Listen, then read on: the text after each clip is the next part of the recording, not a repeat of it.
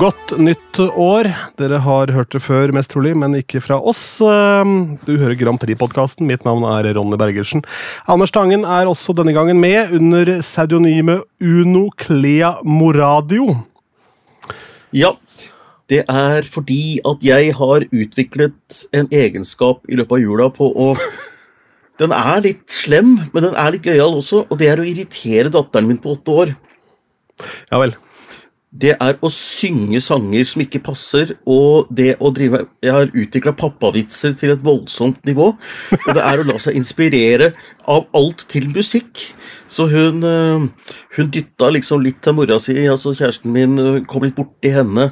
Så øh, så liksom hun kom litt opp i blusa hennes, da, så det ble liksom borte liksom ble liksom kledd av. Så sa, så sa kjæresten min til dattera mi eh, Ikke kle av mora di! Og, og, og, da, og, og da begynner jeg allerede å lage en sånn italiensk sang på det. Sånn Kle av mora di, og, og, da, og det endrer alltid ved at datteren min ser på meg og sier sånn Pappa! Og en annen ting jeg har latt meg inspirere av, det er helt sant, fordi at vi, jeg ga en julegave til datteren min.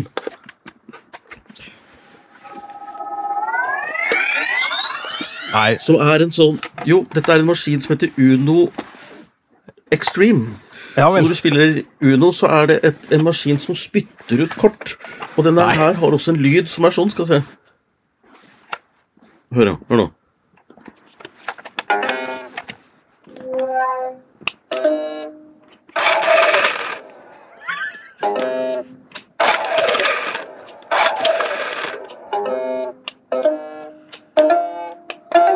Og da er jeg allerede i gang med låt. Badum, badum, badum, badum, badum, badum. Så jeg, jeg, jeg har liksom lyst til å lage en låt rett og slett basert på Uno Extreme-lyden, maskina. Så, og dette irriterer også datteren min seg over, at, at jeg må lage musikk av absolutt alt. da. Ja. Derfor Uno Clea Moradi. Ja, Dette er et vakkert bilde for øvrig nå, for nå driver Anders og plukker opp kortene som har blitt skutt rundt i senga der hvor han ligger, fordi svigermor har tatt over hans kontor. Det er helt riktig. Det er helt riktig. Det er Ja. Ja, det er helt topp, det. Veit vet du hva? Jeg ser her eh, Altså, dette minner meg om, eh, om en eh, sang av gitaristen i Pink Floyd, David Gilmore, på meget lavt nivå. For han var på ferie i Paris og brukte da sin mobiltelefon til å ta opp lyden som kommer da før beskjeder på, på togstasjonen i Paris. Eh, som er da rut, du, du, du, Sånn plinglyd. Han tok Ja. opp den, og så sampla han den og lagde da en sang som heter Rattle That Lock. Jeg skal legge en link under her til den. Eh, en liveversjon fra Pompeii for øvrig. eh, der. Um, Så nå, gøy. Nå er du på gang med noe av det samme, føler jeg her. Så her ser jeg Sanremo-festivalen neste år får en låt som heter Uno Klea mora di. Eh, få det på. Nei, men jeg tenker at alt er mulig å la seg inspirere av. og Det er egentlig bare å kjøre det inn i en kunstig intelligens-maskin, så har du en hit. Det har du i aller høyeste grad. Min uh, stemor Wenche har jo dessverre gått bort, men hun lærte jo meg å spille Uno, eh, dog ikke Extreme-varianten, i sin tid. Og det ble en racer på Uno oppe hos Wenche, altså. Ble det, da jeg var sånn syv-åtte år. Det var potetrykk og Uno. Ja, nei, men Det er gøy med Uno, fordi at, øh, og den maskina tilfører et lite element. Fordi det er så gøy at det kommer øh, en øh, uforutsigbar mengde kort ut. For du kan trykke på knappen og få ingen kort. Eller du kan trykke på, så får du masse kort. Eh, fordi på vanlig Uno så er det sånn at du trekker ett og ett kort. Du trekker ikke mange. Men her kan du risikere å få mange kort. da, ikke sant? Så det er det som er gøy, at du kan få seks-sju kort plutselig. Eller du kan få ingen. Så den er eh, lunefull. Men eh, det kule var den der eh, grooven i rytmen. da. Så vi får se. Ja, ja, ja. Klart det. Veldig bra. Så er det sikkert helt nydelig kan jeg tenke meg når batteriet begynner å bli litt dårlig. Ja, det tror jeg. Ja. Tror det. Ok.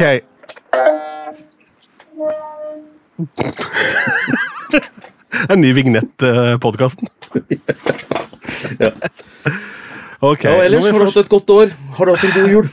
Ja, det har vært en eh, helt ålreit jul. Mye jobbing, eh, en del sykdom. eh, og da ikke hatt covid, men har da klemt meg selv på Vi hadde jo På Majorstua, hvor jeg spiller, så var det jo DJ nesten, nesten hele desember, hver eneste dag. Så det var jo dager, mandager og søndager som hvor ikke det var masse folk, men du står likevel og har en vakt da, fra klokka ti til tre. Og hvis du står og hoster og bjeffer og harker og ikke føler deg helt pigg og popper inn på noen piller her og der, så det er ikke, det er ikke ti av ti, men samtidig så trengte jeg litt pengene. Så jeg karra meg på, på jobb der, og så hadde vi da et ganske saftig nachspiel som da medførte at jeg svarte vel deg jeg lurer på om det var fem-seks timer etter at du hadde sendt melding og lurte på når vi skulle tape i dag. så det ble, Ja, det stemmer. ble en lang, lang seanse der også, men det var en veldig veldig fin nyttårsfest. Det var veldig gøy. Og, um, Så gøy. Det er altså et ganske fascinerende sted. Det er Old Irish Pub på Majorstua. Det er for det første en av de absolutt største stedene i Oslo. Det er jo kapasitet på nesten 700 mennesker. Um, og overraskende sånn bra, ungt klientell som oppfører seg også merkelig bra. Uh, For en sånn smeltegryte med så mye folk, så skal det være masse slåsskamper hele tiden, men det er liksom ikke, det er ikke så voldsomt. uh, da. Det er en god stemning.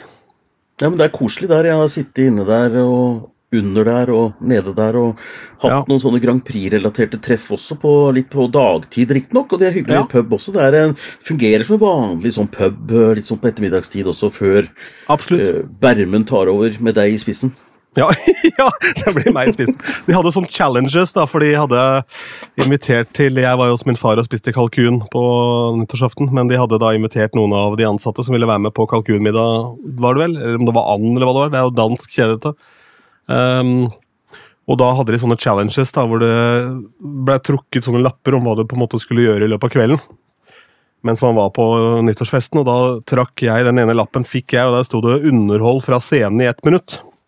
Oi! Og det var jo ganske passende at jeg fikk dem, for jeg sto der oppe en fem-seks timer. Så jeg, det var ikke så veldig, ikke så veldig ja, avansert for min del. Men eh, sånn før vi går inn på Grand Prix-ting, for nå begynner det virkelig å nærme seg. Nå er vi altså så nærme liksom, kjernen vi kan komme her. Ja. Av Ja. låtslipp og sånn. Vi er jo i selve uka. Det blir bonusepisode, for Anders kommer til å høre låtene da som vanlig litt, litt før den gemene hop. Um, Ja, da er jeg Gud for en kveld. ja, ja, ja. Vi, og det må vi utnytte, så det holder. Nei, altså, Jeg vet like- noe ingen andre vet. Ja. Ja, ja, ja, ja det, er, det er deilig. Men hvordan er du på Twist-posen, Anders? Har vi snakka om det her? Nei, vi har ikke snakka om det. Jeg er blant de som er på lakris. Å, jeg Og også. er Du òg, ja. Ja. Hvor, men uh, har du stor konkurranse i din nærmeste omgangskrets på de Ja, lakrisbitene, eller? Ja, jeg har en venn som heter Chris, som er fra Australia, som flytta til Norge, er DJ han også. Og vi sender til enhver tid bilder til hverandre av de to bitene som da ofte ligger igjen. Det er da enten banan eh, Han er team banan, jeg er team lakris. Oh, ja. jeg får ofte sånne halvtomme twist-skåler med dominant, dominant av lakris igjen, fordi de som har kjøpt den twist-posen, var Team Banan, mens jeg sender da over en og annen bananbit, eh, singel bananbit, da, til han. Um, og jeg, må, jeg måtte bare sjekke, for ellers tror jeg kanskje poden har blitt lagt ned hvis ikke du også var Team Lakris, nemlig. Nettopp. Nei, jeg er eh, nok litt på Team eh, Lakris, men, men jeg er også på Team Banan, så jeg er er litt begge, ja? overløper der. Ja, jeg Ja. er litt på begge, men jeg er overhodet ikke på Team Kokos, fordi de, Det er de kan jeg ikke skjønne. rett og slett. Ja, ja, ja. Ja, det er. Nei, du er ikke Team Kokos, nei. Jeg har ikke noe imot Nei. kokos, selv om den er kjip, Nei. men den er ikke vond, syns jeg, da. Men ja. Nei da.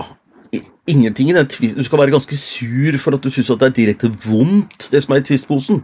Men at noe er mer attraktivt enn noe annet, det, det må jeg kunne få lov til å si. Men det er visstnok eh, bananen som selger mest stykkevis ned i Freia-butikken i Oslo. Sier du det? Ja da. Det er jo da de som er veldig eh, hardcore banan, de er vel ivrige på å kjøpe det Kjøpe det i bøttevis. Nei, men Det blir vel som å være en del av et eh, Eurovision-miljø. da. Altså, Du blir jo veldig sånn opptatt av å kjøpe Grand Prix-artister uansett om det er bra eller dårlig, bare fordi du er på Team Grand Prix. du, du det. backer opp. Nei, Det er en gang i året hvor jeg er veldig bevisst på twisten. eh, og det er da til jul, for da får man stort sett en pose, eller så er det i hvert fall en twist. Twist eh, i omløp der hvor man er i en eller annen setting. Så Men velger du noen gang twist helt tilfeldig?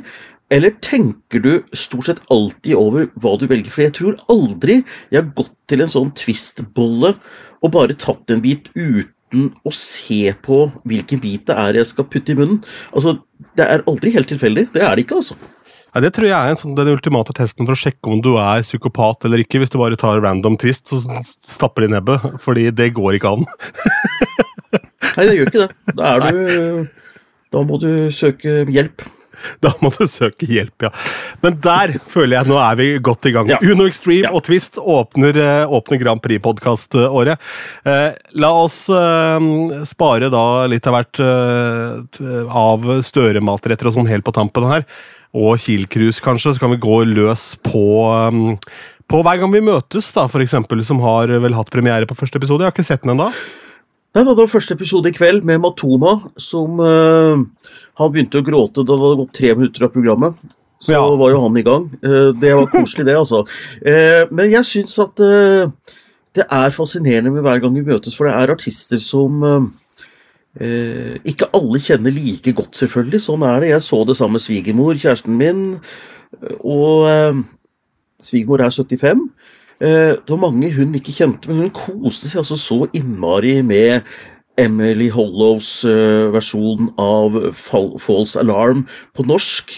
Falsk alarm, for eksempel, så blei det altså en, en vakker, flott låt. Og så sitter hun der og blir kjent med Emilie Hollow, og så blir hun kjent med Matoma. Så jeg tenker at vi kan latterliggjøre litt av det her eh, hver gang vi møtes, og det er veldig mye morsomme parodier som er laget på det, med god grunn. For det er litt sånn eh, Det kan være litt kleint. Men jeg må si det er et av få programmer hvor artistene får lov til å gjøre det de kan, og som de er profesjonelle på, og som gjør at vi blir litt kjent med bakgrunnen deres som musikere. Da. Og dette at Matoma egentlig skulle bli klassisk pianist og har uh, musikkteknologisk utdannelse fra NTNU, det var i hvert fall nytt for meg, og Ja. ganske spennende. Det, mm, jeg var klar over det, fordi jeg var jo så han i uh, operaen. Eh, Da han spilte der ute i foajeen der på et tidspunkt, og da var det laget av det. Det var false, false Alarm. De laget en akustisk greie hvor han satt på et flygel inni da selve operaen som en sånn promogreie, hvor det var snakk om det eh, på forhånd. Ja. Men uh, det for å ta gjengen i år, da, så er det Matoma. Det er Odin Stavland fra Vamp-universet. Det er vel sønnen til Vamp-sjefen, er det ikke det? Jo, det er det. William Han spiller Christoffersen fra trommer, han spiller trommer, og Han spiller trommer, gjør ja. liksom, han spiller trommer og synger. Det var veldig kult. Ja, og så har vi William Christoffersen, Ole Ivars eh, primært av låtskriver og bassist, vel, i Olivars. Um, Ja, og, og nå vokalist. Og han må si at, da. eh, Ja, han gjør det, og han gjorde det sammen med hele Ole Ivars i, eh, i kveldens eh, Hver gang vi møter for han tok inn Han sa at siden det er første gang et danse, dansebandmusiker er med, så må vi gjøre det ordentlig. Så hele Ole Ivars kom inn og sang eh, Eller gjorde en versjon av Summer Feelings med oh. Matoma. da, og det, det, det låt ganske bra, men jeg må jo innrømme at eh, hvis du først skal ta Ole Ivars på alvor, noe jeg syns vi skal, det er folkelig, og de er musikkarbeidere, de, så så savna nok litt uh, han Hva het han, da? Han som var William. vokalist før. Nei, Vi- eh, han, nei, eh, nei, Ikke William. Ole. Han het ja. Åh, herregud. Nygård, er det ikke Nygård? Et eller eh, Det sto plutselig stille. Han med skjegg og briller. Ja, ikke sant. Ja. Så han har nok ikke helt samme karismaen og samme greia, men han er låtskriver, ikke sant, William, og eh, han gjorde sin versjon, så det var eh, Nei, jeg syns det var gøy. Ja. Det er jo alltid spennende. Og Mari Boine hadde en uh, kul versjon av uh, en kjærlighetslåt der som uh, som ble magisk. Så nei, det er Ja, og så er spennende. det får Ingrid følge med. fra Highasakite, Ingrid Helene Håvik. Oh, og Ramón er også med, da, det store stjerneskuddet som kom for et par år tilbake, sånn for alvor. Var vel en, en av de mest strømma låtene i verden, tror jeg, for to år siden. Nei, i, i Norge for to år siden. Den, hans mest kjente. Stemmer det. Og dette er, er programmert rett inn mot MGPs delfinaler. Så eh, det blir spennende å se hvordan den konkurransen går, da. Ja, det får vi jo se på. Eh, Men eh, alt kan strømmes, dette har vi snakka om før. MGP er jo Ja. da ferskvare. Du kan alltid strømme Jeg har ikke sett hver gang vi møtes ennå. Kan jo gjøre det etter at vi er ferdig med innspilling nå, f.eks. Um, men det jeg også må si, sånn som er fint med hver gang vi møtes, syns jeg, det er at um, de lar ofte artistene Altså, de velger jo egne låter. Ja. Og det syns jeg er en god ting, at ikke de pushes på hitene. Mange velger jo selvfølgelig hitene uansett, for de håper at det skal bli en ny hit av det, osv. Uh, men uh, sånn som Øystein Greni da, sto fritt til å velge akkurat hva han ville, for han driter jo litt i om den låta blir en hit uh, eller ikke, for å si det mildt. For han så er det mye viktigere at låta snakker til han som musiker. da. Og um, det er et program hvor du får lov til å gjøre det, og så får du da historien også litt bak de sangene som ikke kanskje er de aller mest kjente. Og det er jo som Ja. musikknerd så er det veldig deilig. Helt enig. Og det er eh, Nei, det har jo blitt et musikkprogram å regne med, på en måte, i eh, som har skapt hiter på egen kjøl. Da, og jeg så liksom Da Ole Paus gikk bort, så var det for så vidt noen av hans uh, låter fra Hver gang vi møtes som står igjen, blant annet 'Masken'. Uh, ja, fy faen, den er bra, altså. Ja. ja helt, jeg booka han uh, til Kraftfestivalen i Askim. Vi hadde en sånn bakgård der hvor det var plass til 200 pers. Booka han, fikk til det da, de, hver gang vi møtes året, på en torsdag der. og Da solgte ut alle billettene på kvarter 20. Det var, liksom, to, det var ikke mer enn 200 billetter, da, men det er, sånn, det er ikke ofte det går på et kvarter.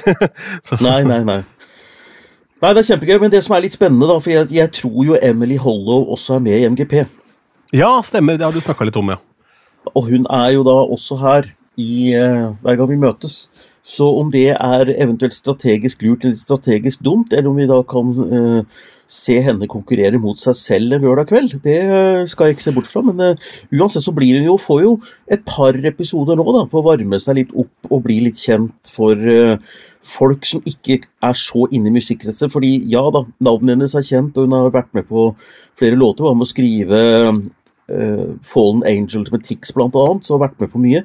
Men ikke veldig kjent som person og som uh, et navn. Uh, så jeg tenker kanskje at Kanskje det er et smart grep, i så fall, å gjøre begge deler. Selv om det er et, noen, et par uker hvor det kommer til å være Emily Hollow på to kanaler. da. Som du Får man sier, det kan se, da. Om det, for det høres jo kanskje ut som noe som kan være en sånn hard pille å svelge for NRK og TV 2. Altså sånn at de får den.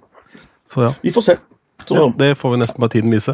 Men det er jo andre vi er langt mer sikre på, nemlig Hollow. Uh, ja. Nå har det begynt å komme låter også. Du har sendt meg link til eh, to her. Skal vi ta Ray Lee først, som vi allerede har vært inne på?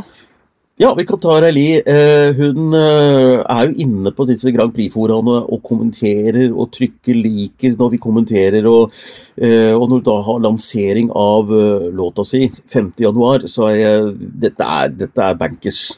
Og låta ble, ut, ble, lagt ut på YouTube av en rumensk YouTube-kanal i går, altså på søndag kveld. Vi spiller inn på mandag. Så denne låta er nok med. Uh, 99 sikkert. Det er en lekkasje, altså? Nei, det tror ikke det er lekkasje.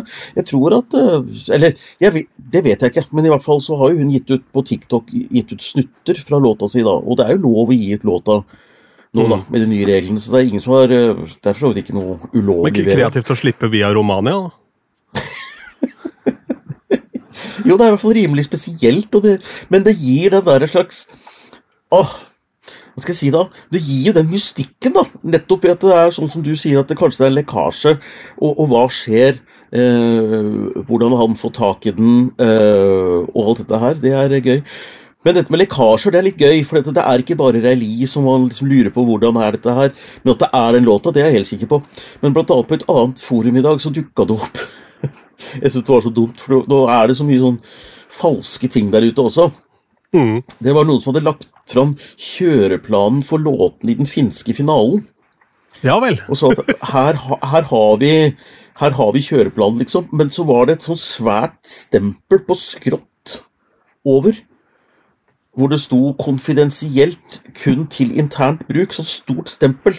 Ja. Akkurat, som at akkurat som at den finske kringkasteren går rundt ja. gjør det, med et stempel, ja. og, gjør, og, gjør, det med alle dokumenter som produksjonen bruker. De får ikke gjort noe annet enn å merke dokumenter, fordi det, det, er, det, det, gjør det så usannsynlig. Så det er liksom sånn der, så jeg vil bare si til alle som hører på, og som syns dette er veldig spennende, og det er jo det uh, ta det med en klype salt, altså. For det er noe, veldig mange som har lyst til å gjøre seg interessante der ute med å si at se hva jeg har funnet, og så putter du det igjen med kunstig intelligens, og så lager du et bilde med et sånn top secret. Men Stig og kode står ikke med kjøreplan til MGP hvor det står top secret over på skrå. jo, men det er hvis du er medlem av Mikke Mus-klubben nå, vet du, så er det jo sånn detektiv der. der da får du det som stempel. Ikke sant? Kan sette på sånn at det er secret opplegg. Mm. Ja. Men det du egentlig må gjøre, er at du må skrive det med hvordan blir det sånn usynlig blekk, så du må ha UV-lys. ja, ja, ja, det er det du må ha. Blacklight. Ingen vet hvilke låter vi skal synge og sånn. Nei, det er, eh, nei da, men eh, så det kan hende at alle er lurt. Det er ikke sikkert at Ray Lee er med engang. Kanskje rett og slett bare gjør dette for å gjøre seg interessant for fansen, og så er hun ikke med. For vi veit jo ikke. Nei, jeg har jo hørt låta bare én gang, jeg nå, da. Og kan si kjapt om låta at eh, lydbildet er akkurat sånn popmusikk skal være nå. Det er ganske høyt tempo på den. Den låter ganske likt eh, eh, Litt à la Calvin Harris og, og hun um, Åh, faen heter hun igjen, da? Uh, jeg kan bra søke det opp. Nå slapp Du får ikke hjelp fra meg på det. Så det Nei, er du, det er du som er eh, DJ-en her. det er en veldig, veldig kjent artist, norgesvenn også. Bonnie Tyler? Ja, Calvin Harris og Bonnie Tyler, den er fin. Nei, men Jeg kan si litt om låta mens du leter det fram. fordi at jeg, eh, Den har noen litt originale melodilinjer. Den eneste er at noen vil kanskje si at den er litt sånn At det er tre låter i én, på en måte. Ja. Uh, det, fordi de, de, de henger ikke så veldig godt sammen, de. Og jeg, jeg syns ikke dette er Eli på sitt beste. Uh, det syns jeg ikke. Ellie Golding heter hun. Ja, selvfølgelig. Ja. Det er jeg med på. Mm. Ja, de har, da hadde da en hit eh, sammen i eh, fjor, blir det nå. Eh, det Jøss, jeg klarte å si det riktig. Jo da. Gratulerer. På dag én. første episode. det er ikke Ja. gærent. Eh, for det blir mye sånn å stryke over tretallet og så skrive fire om dagen. Eh, klart det er det. Men nei, det var eh, Og så kan det hende at den vokser, vokser på meg etter hvert, jeg får hørt den et par ganger til. Men langt, langt mer spennende, i hvert fall på papiret, er jo den andre lekkasjen der. Det var jo veldig artig, da. Ja, det tror jeg ikke er en lekkasje engang, for det er som sagt lov å gi ut låta. Og dette her er gitt ut av dem på YouTube, så dette er, eh, Ja. dette er helt greit. Men dette er altså Anders Odden, som er et kjent navn i norsk metallmiljø. God venn av Ronny Le Tekrø og har en eh, stor eh, kredibilitet. Som altså den 12. Dette er litt gøy. Dette er kjempegøy. Tolvte 12. januar, fredag 12. januar, så har altså de en eh, lanseringsparty på gamle, Gamla konsert og scene i Oslo for Mistra. Som er hans nye prosjekt. Og Mistras prosjekt det er altså Anders Odden, som er gitarist, produsent og låtskriver. Og eh, Jeg har vært med i band som, eh, hvis du er metallfan, så Kadaver er vel det mest kjente bandet hans. Og så har han hatt et som heter Magenta i tillegg. Og så har han blant Jeps. annet spilt da som gjestemusiker for Satyricon. Eh, og han har vært uh, turnermusiker også med Apap Tygma Berserk fra Fredrikstad. Dette er en fyr fra, fra, ja, fra nå Østfold. Nå er det vel oppløst Viken nå, da. Ja, Gud hjelpes meg. Ja, det er det. Ja, Åh, det kunne vi snakka mye om. Ja. Vi tar en bonusepisode om det. Eh, Ja. Nei, og Hvor han har fått med seg Benedicte Adrian. Ja, det er gøy! Ja, ja, er ikke det gøy?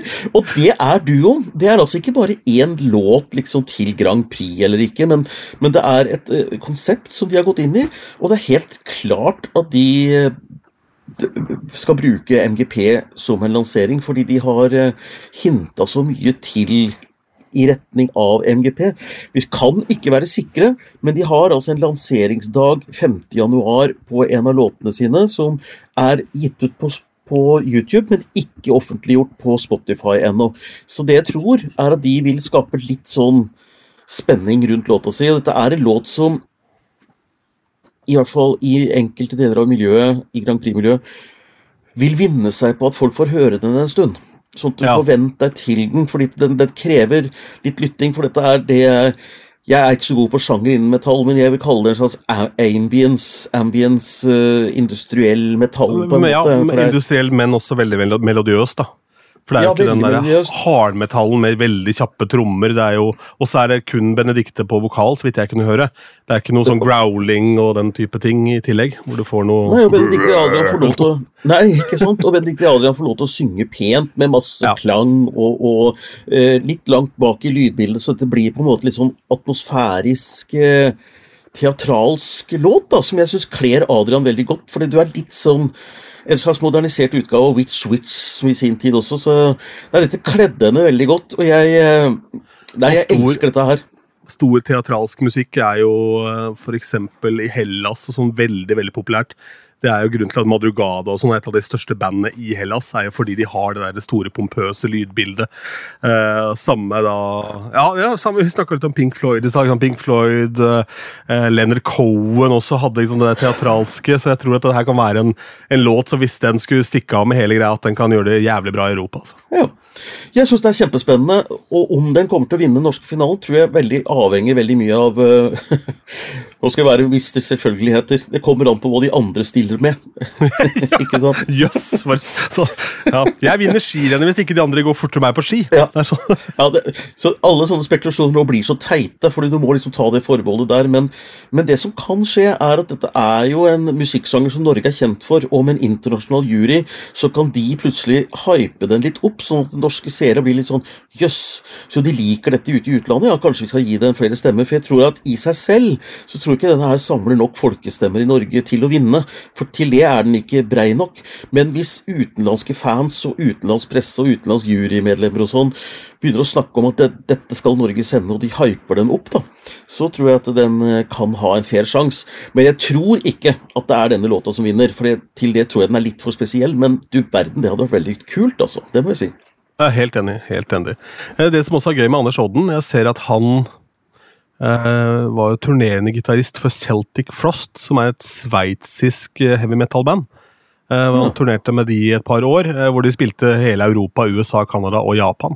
Um, og det kan jo da også være så Hvis han har spilt i utlandet med Satyricon, og sånn også, så kan det være at han får, får um, um, ja, nye fans, eller at sånn, det er fans som husker han også fra det, da. I, rundt omkring i Europa. da.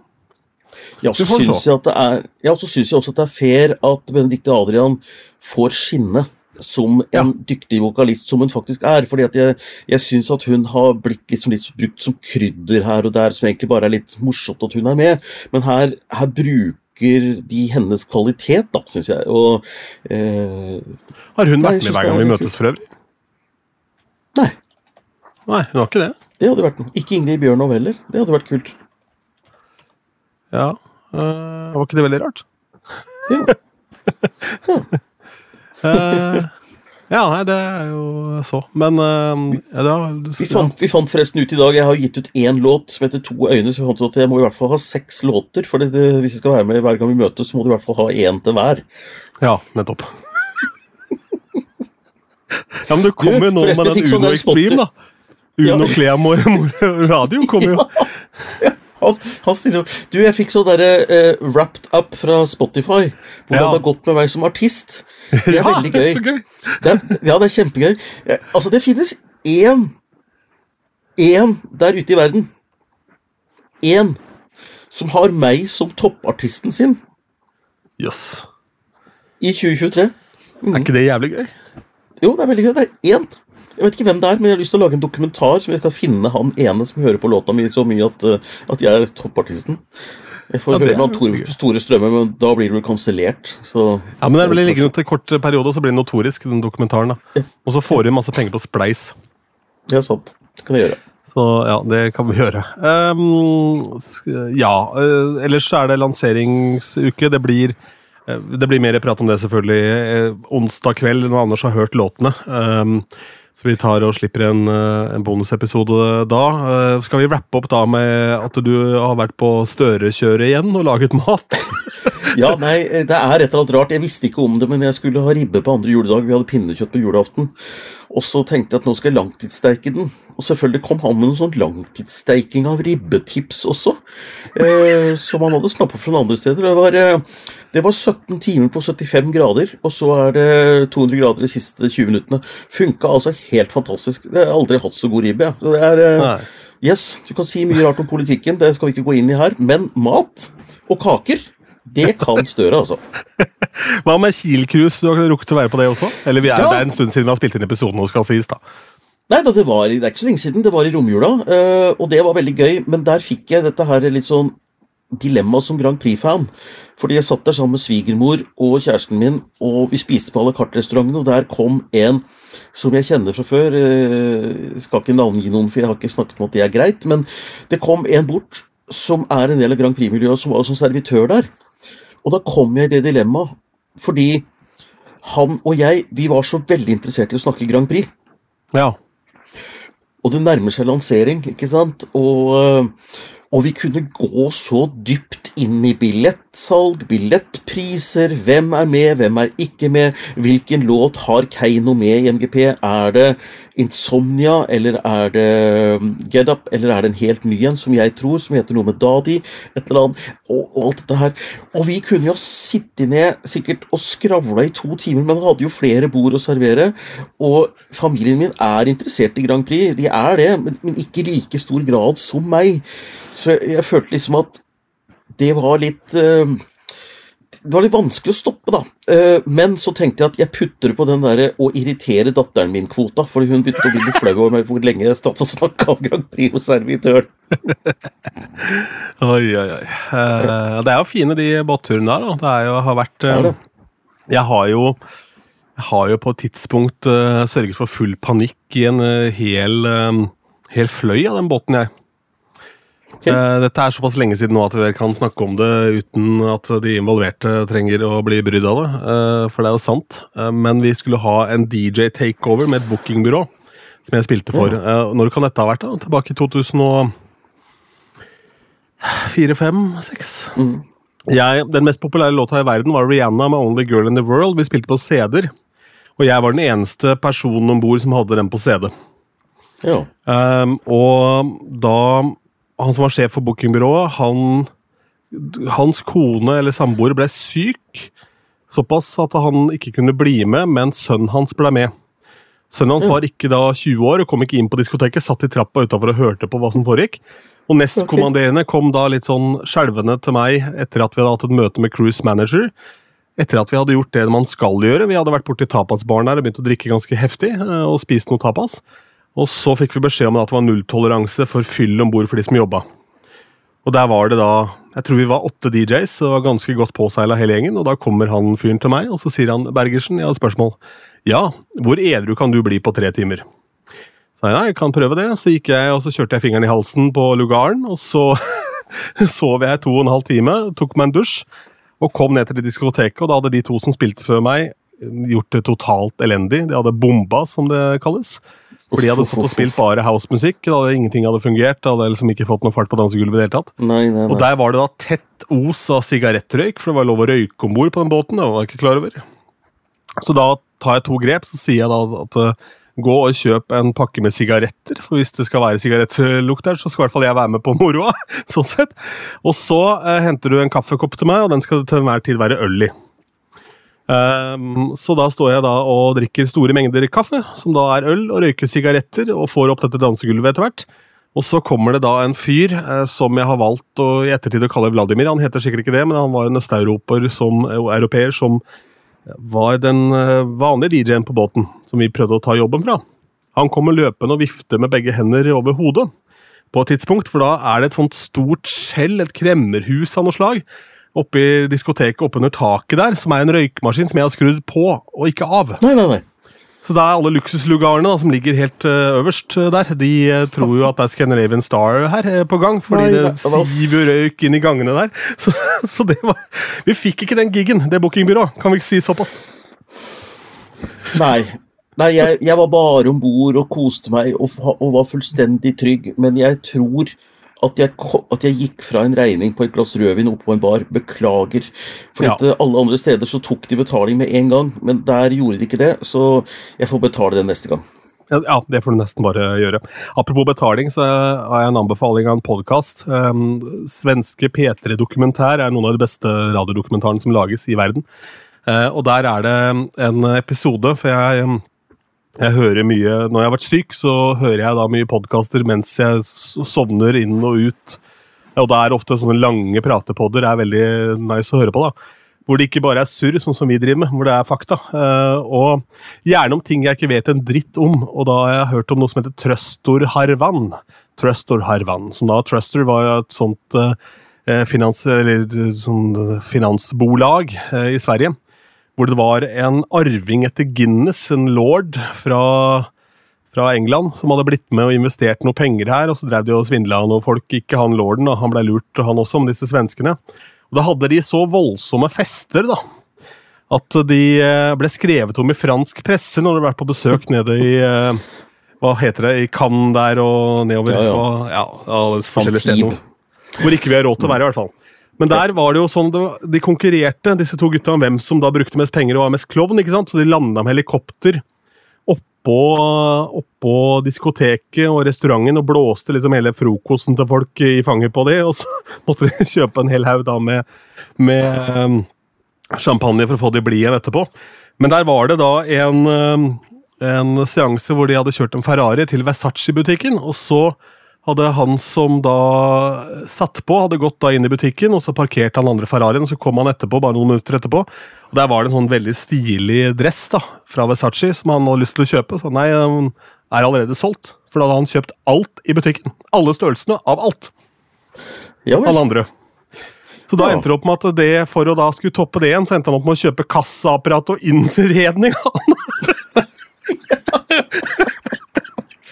så, så det endte opp at Å ja, du har kjøpt alt av, av varer her. Da kjøper jeg resten av butikken. Åh, det er så kvalmt, og det er så gøy, og det er så moro. Jeg håper de betalte fakturaen. Ja, nei, de gutter, ja, de betalte sikkert cash, de der klovnene her, men det var Ja, sånn Uh, For et forbanna surr, men så tenker jeg så deilig. Her skal du kødde med kompisen din, og så hva er det som er igjen til meg? Det er kassaapparat og reoler! Fantastisk. Ja, herlig. Det er eh, varm anbefaling. eh, P3-dokumentær. Eh, Der er det utrolig Ja, det er rett og slett meget god radiojournalistikk. Altså. Det er, hvis du liker den hele historien, og sånn, så er det her Det her er vel de som inspirerte hele historien, og den biten er fra NRK, tror jeg. Så Veldig bra. Skal vi si det er bra der, Anders?